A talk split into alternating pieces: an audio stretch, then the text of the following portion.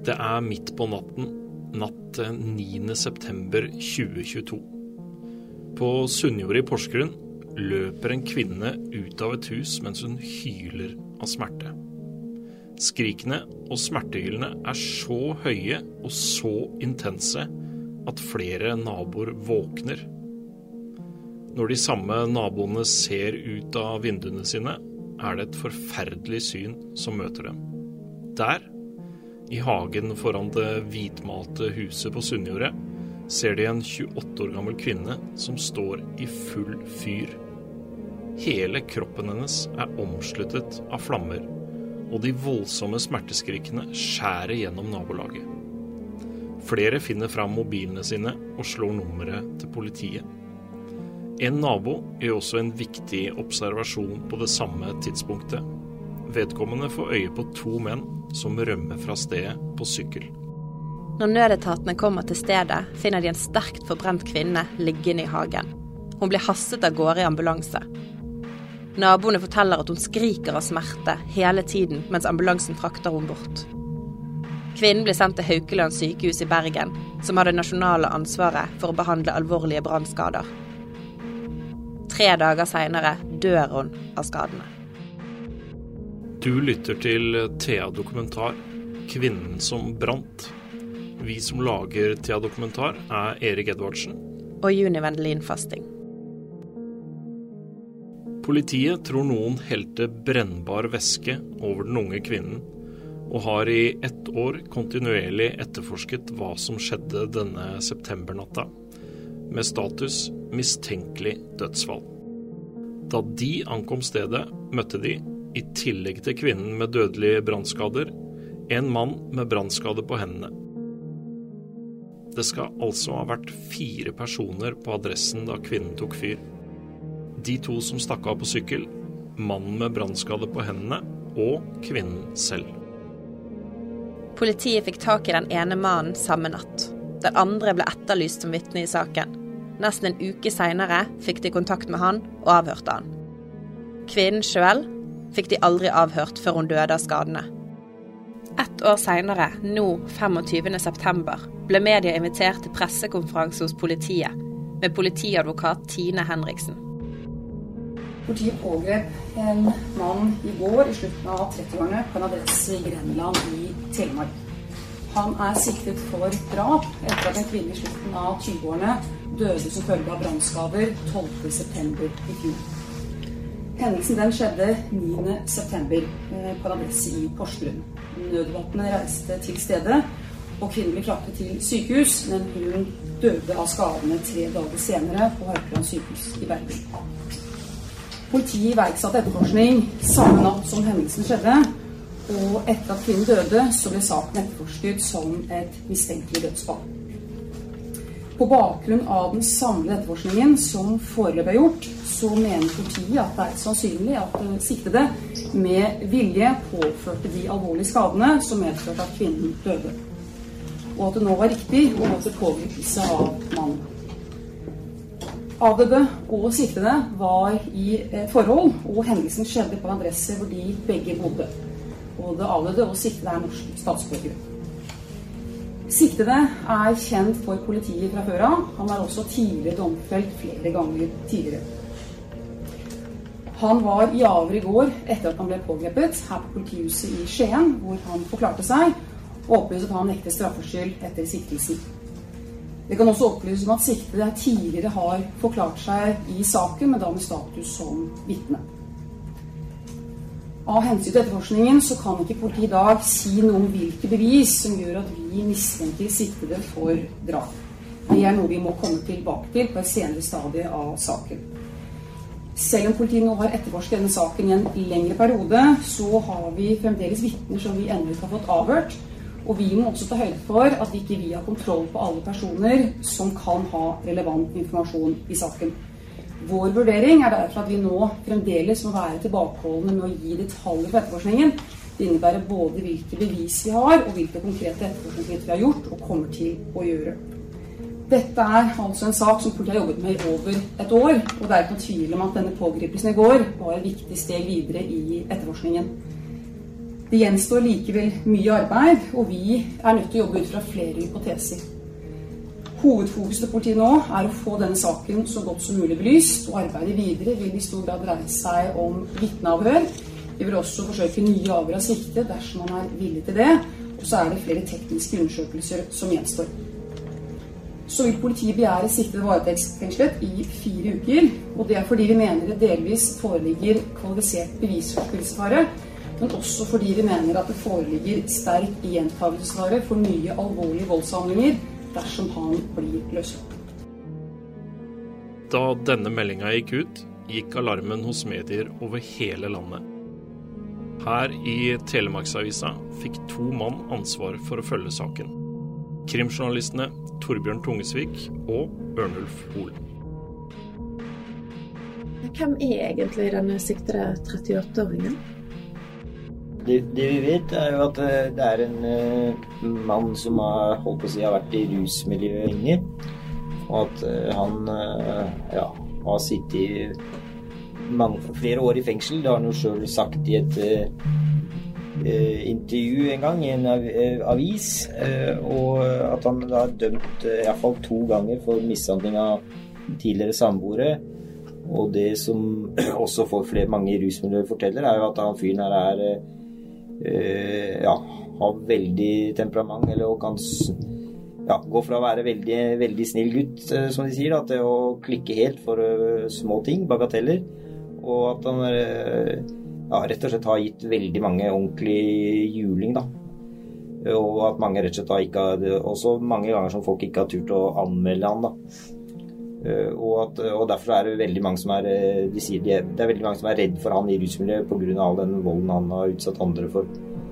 Og, og, han skal også være veldig sterk, sier de, siden han ja, bl.a. har sittet veldig mange år i fengsel, da, og hvor det selvfølgelig ikke er så mye annet å gjøre enn å trene og lese.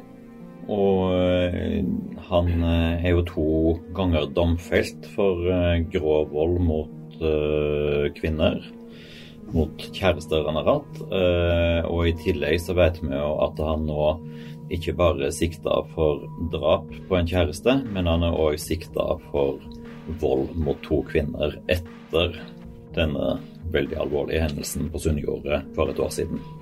Ja, for de to 38-åringen og denne 28 år gamle kvinnen, de var kjærester? De var kjærester, og politiet opplyser òg at de bodde på adressa der uh, dette skjedde. Og naboer uh, i det området på Sunnjordet fortalte jo at dette var et hus der den, den siste perioden hadde vært en del uh, bråk, en del festing og en del trafikk inn og ut av mennesker fra rusmiljøet. men så skjedde jo da dette som opplevdes veldig, veldig dramatisk, der naboer våkna av hennes smertehyl og så en person som kom ut av huset i, i, og sto i flammer.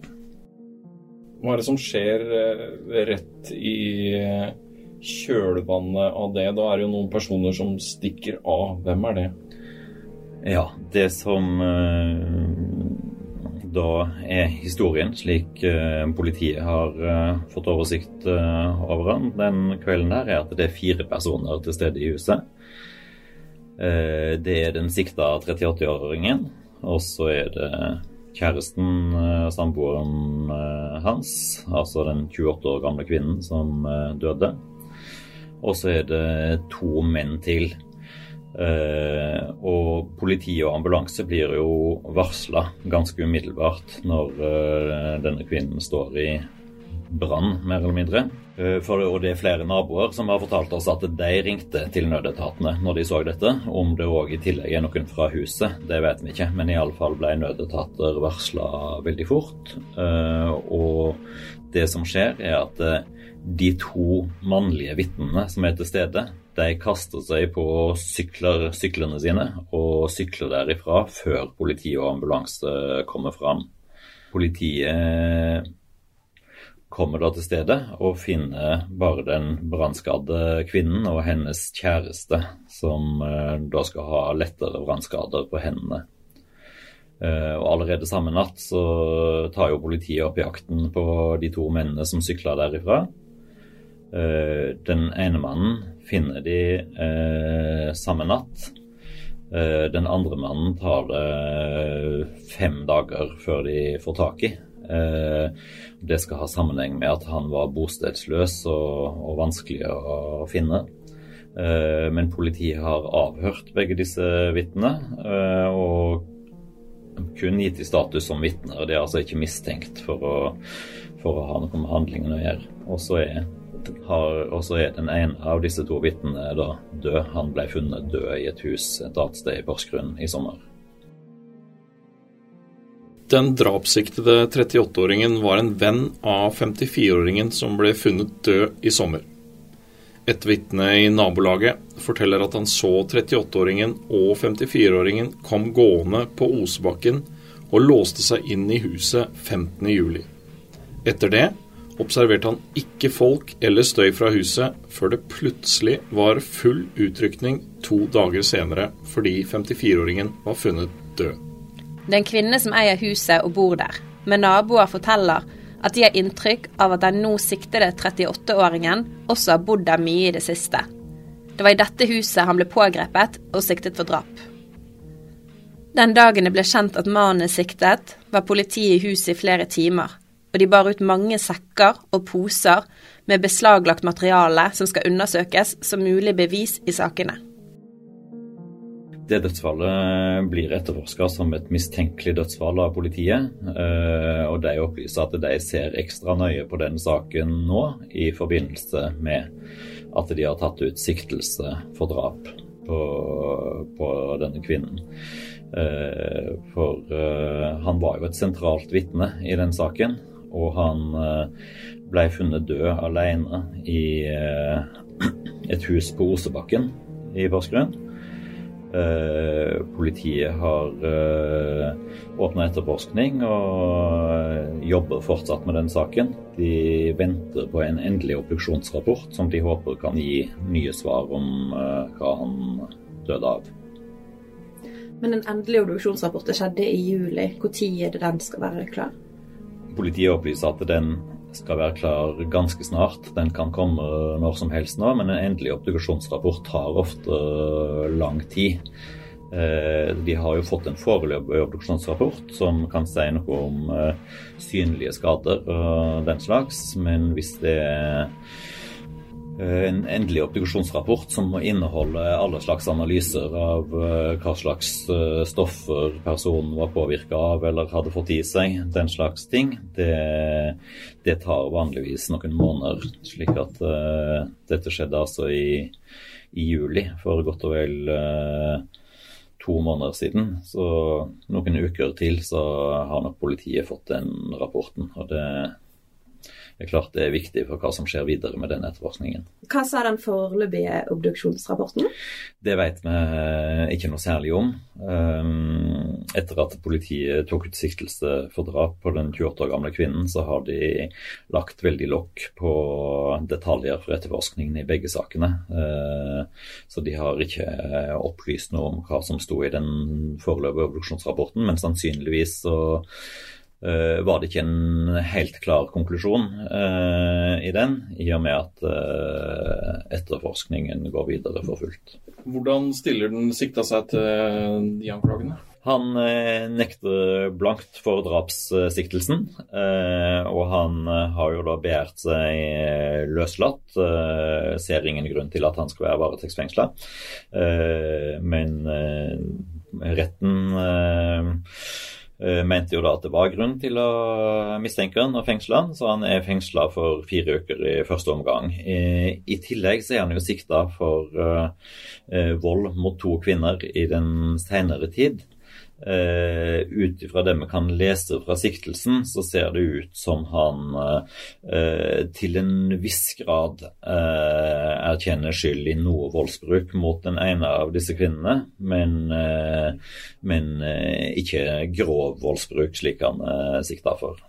Hvilken relasjon er det han har til disse to andre kvinnene? Det er ukjent foreløpig, og politiet har ikke ønska å opplyse noe om det. Kan dere si noe mer om disse tidligere domfellelsene? Ja, i hvert fall en eh, dom fra Det er vel kanskje den siste dommen, men i hvert fall en dom fra 2019. Så ble han jo dømt eh, for uh, eh, å ha slått ned en annen mann i rusmiljøet i Minneparken i Porsgrunn. En fredag i juli 2018 fikk politiet melding om en slåsskamp i Minneparken i Porsgrunn. Da de kom fram, var ambulanse allerede på stedet, og personalet hadde lagt en blodig mann på båre. Han ble fraktet til sykehuset i Skien og senere overført til Ullevål universitetssykehus for operasjon. Legeerklæringer viser at han bl.a. hadde en hevelse rundt venstre øye, kutt under og over venstre øyenbryn som måtte sys, kul i hodet, skrubbsår på neseryggen og brudd i underkjeven på venstre side som måtte opereres. Eh, og eh, han eh, ble dømt for å ha mishandla en samboer over en periode på halvannet år.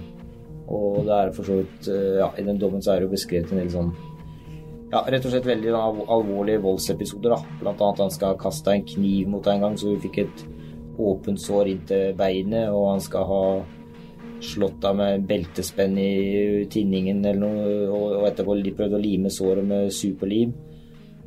Og ja, og den, hun, å i den rettssaken der, da, så forklarte hun ekssamboeren at han ja, ganske raskt ble veldig, gikk fra å være veldig hyggelig og sjarmerende til å ganske raskt bli veldig kontrollerende og ha et sånn veldig temperament. Og ja, rett og slett det, Hun hadde det ikke greit da, i det samboerskapet. Etter kort tid endret tiltalte oppførsel og ble kontrollerende og til dels voldelig overfor sin tidligere samboer. I perioden på ett og et halvt år nektet han noen flere ganger å forlate leiligheten, være sammen med venner og familie, og han kontrollerte hennes telefon og hvor hun var. Han har et voldsomt temperament som han ikke kan kontrollere. Gjennom hele samlivet var han jevnlig sint, hissig og kontrollerende, slik at den tidligere samboeren levde i konstant utrygghet for at han skulle klikke, og utsette henne for fysisk og psykisk vold. Han truet flere ganger med å drepe henne, kaste ting på og etter henne, kalte henne nedsettende ting og nektet henne å sove. Han ødela tingene hennes, blant annet så knakk og ødela han flere av mobiltelefonene hennes. Han klippet opp klær og ødela sminke. Mannen slo og sparket henne i hodet og på kroppen gjentatte ganger. Mannen har også brutt besøksforbudet mot ekssamboeren en hel del ganger. Til VG sier ekssamboeren jeg flyttet fra Porsgrunn pga. ham. Jeg har vært redd ham. Redd hele tiden, sier kvinnen i dag. Hun har fått diagnosen posttraumatisk stresslidelse. Jeg er i konstant beredskap, hele tiden på utkikk etter fare. Han har ødelagt veldig mye. Ja, jeg bærer nag til ham, sier hun til VG. Han ble bl.a. dømt til sånn der kontaktforbud. Han måtte, måtte holde seg unna Grenland i tre år. Og sånn fotlenke med omvendt, ja, omvendt, omvendt, unnskyld, voldsalarm. Unnskyld, omvendt voldsalarm, ja. Det er jo som... veldig sjeldent, ja. og jeg kunne i veldig grove ja. saker, at det idømmes. Ja, jeg tror vi, vi, Nå tar jeg på huset, men er det kanskje to eller tre, Ja, jeg skulle si det. At vi kan, jeg tror vi kan slå fast at det bare er en håndfull som har blitt idømt dette nå i Telemark. Jeg tror jeg kan huske to-tre dommer fra før, altså. Det er jo jævlig inngripende, da. Du kan tenke deg sånn på en måte bolig i Grenland, og så han er ute av fengsel, så må han faktisk flytte. Da strekker de rett og slett en sirkel rundt ja. uh, Politiet skal rekke å komme fram til henne på 20 minutter. Rundt ja. for, fornærmede som kommer en bolig, og mm. han får ikke lov å komme ja. for, for, det står i dommen at det betyr at han i praksis må, ikke kan bo i Grenland i tre år. Den saken her var jo mye omtalt i media og sånt når det skjedde, og en liten periode etterpå. Og så blir det stille veldig lenge før politiet kom på banen igjen.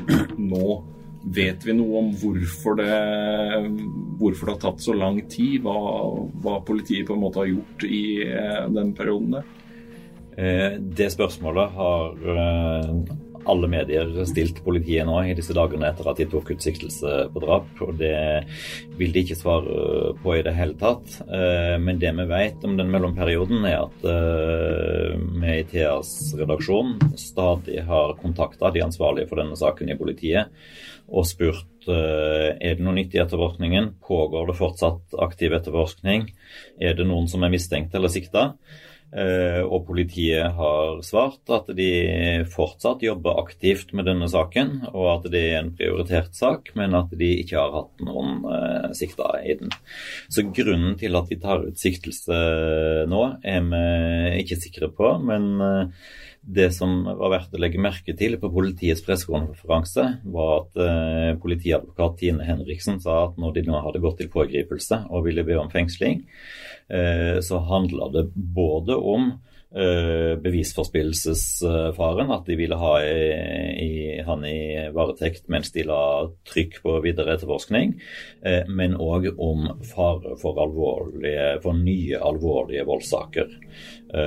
Slik at det ser ut som ett aspekt i politiets vurdering har vært at de har ment at han nå var til akutt fare for en eller flere andre personer og ville ha han ut av spill. Og så sa jo han politiinspektør Oddgeir Kostveit ble i forbindelse med fengslingsmøtet at, eh, at etter den hendelsen eh, hvor hun eh, dama brant, at det hadde pågått en omfattende etterforskning. Det var det han ville si, og at de også bl.a. har avhørt veldig mange vitner.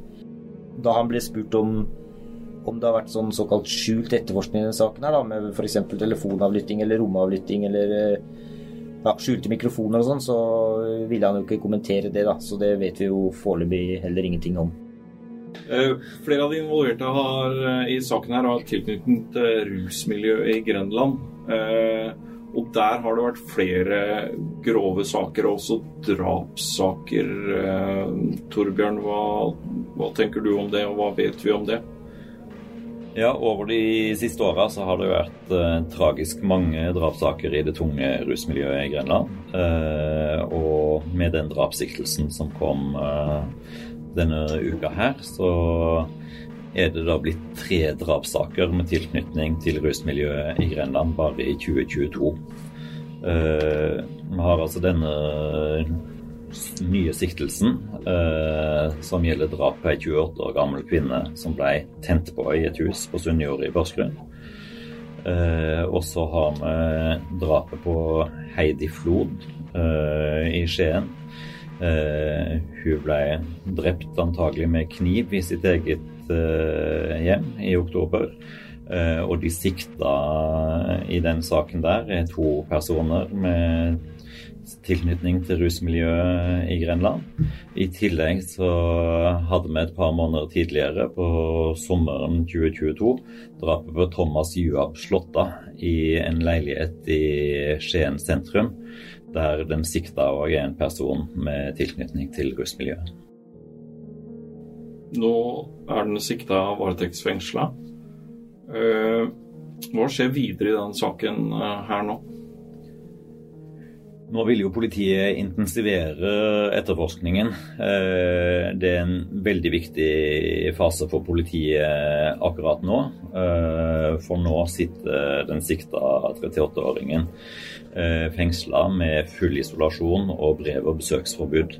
Eh, så det betyr at eh, akkurat nå så har ikke han mulighet til å påvirke vitner og mennesker som politiet ønsker å snakke med. Det kommer nok politiet til å utnytte maksimalt, og de har òg oppretta et eget telefonnummer der de ber om tips fra publikum som kan ha informasjon i saken. Um, og så vil jo etterforskningen gå sin gang. Men eh, politiet vil antagelig be om forlenga fengsling når de fire, ukene, fire, første ukene er ute. Uh, men uh, etter hvert så vil jo da restriksjonene bli letta på. Han vil få anledning til å omgås andre fanger, til å få besøk uh, utenfra, sende og motta brev. så da vil han jo kunne ha kontakt med, med mennesker. Uh, som, uh, som, politiet vil avhøre. Uh, hvilken betydning det vil ha, er jo vanskelig for oss å si, men for politiet er det som sagt i alle fall veldig kritisk å utnytte den fasen der han nå sitter uten kontakt med omverdenen. Politiet tror det kan være personer som fortsatt sitter med opplysninger som kan belyse saken ytterligere. De har derfor etablert et tipsnummer i saken. Du kan nå dem på telefon 476 96200. Du har nå lyttet til Thea Dokumentar, 'Kvinnen som brant'. Vi som lager Thea Dokumentar, er Erik Edvardsen. Og Juni Vendelin Fasting. Musikken er laget av Simon Tekeste. Ansvarlig redaktør er Ove Meldingen.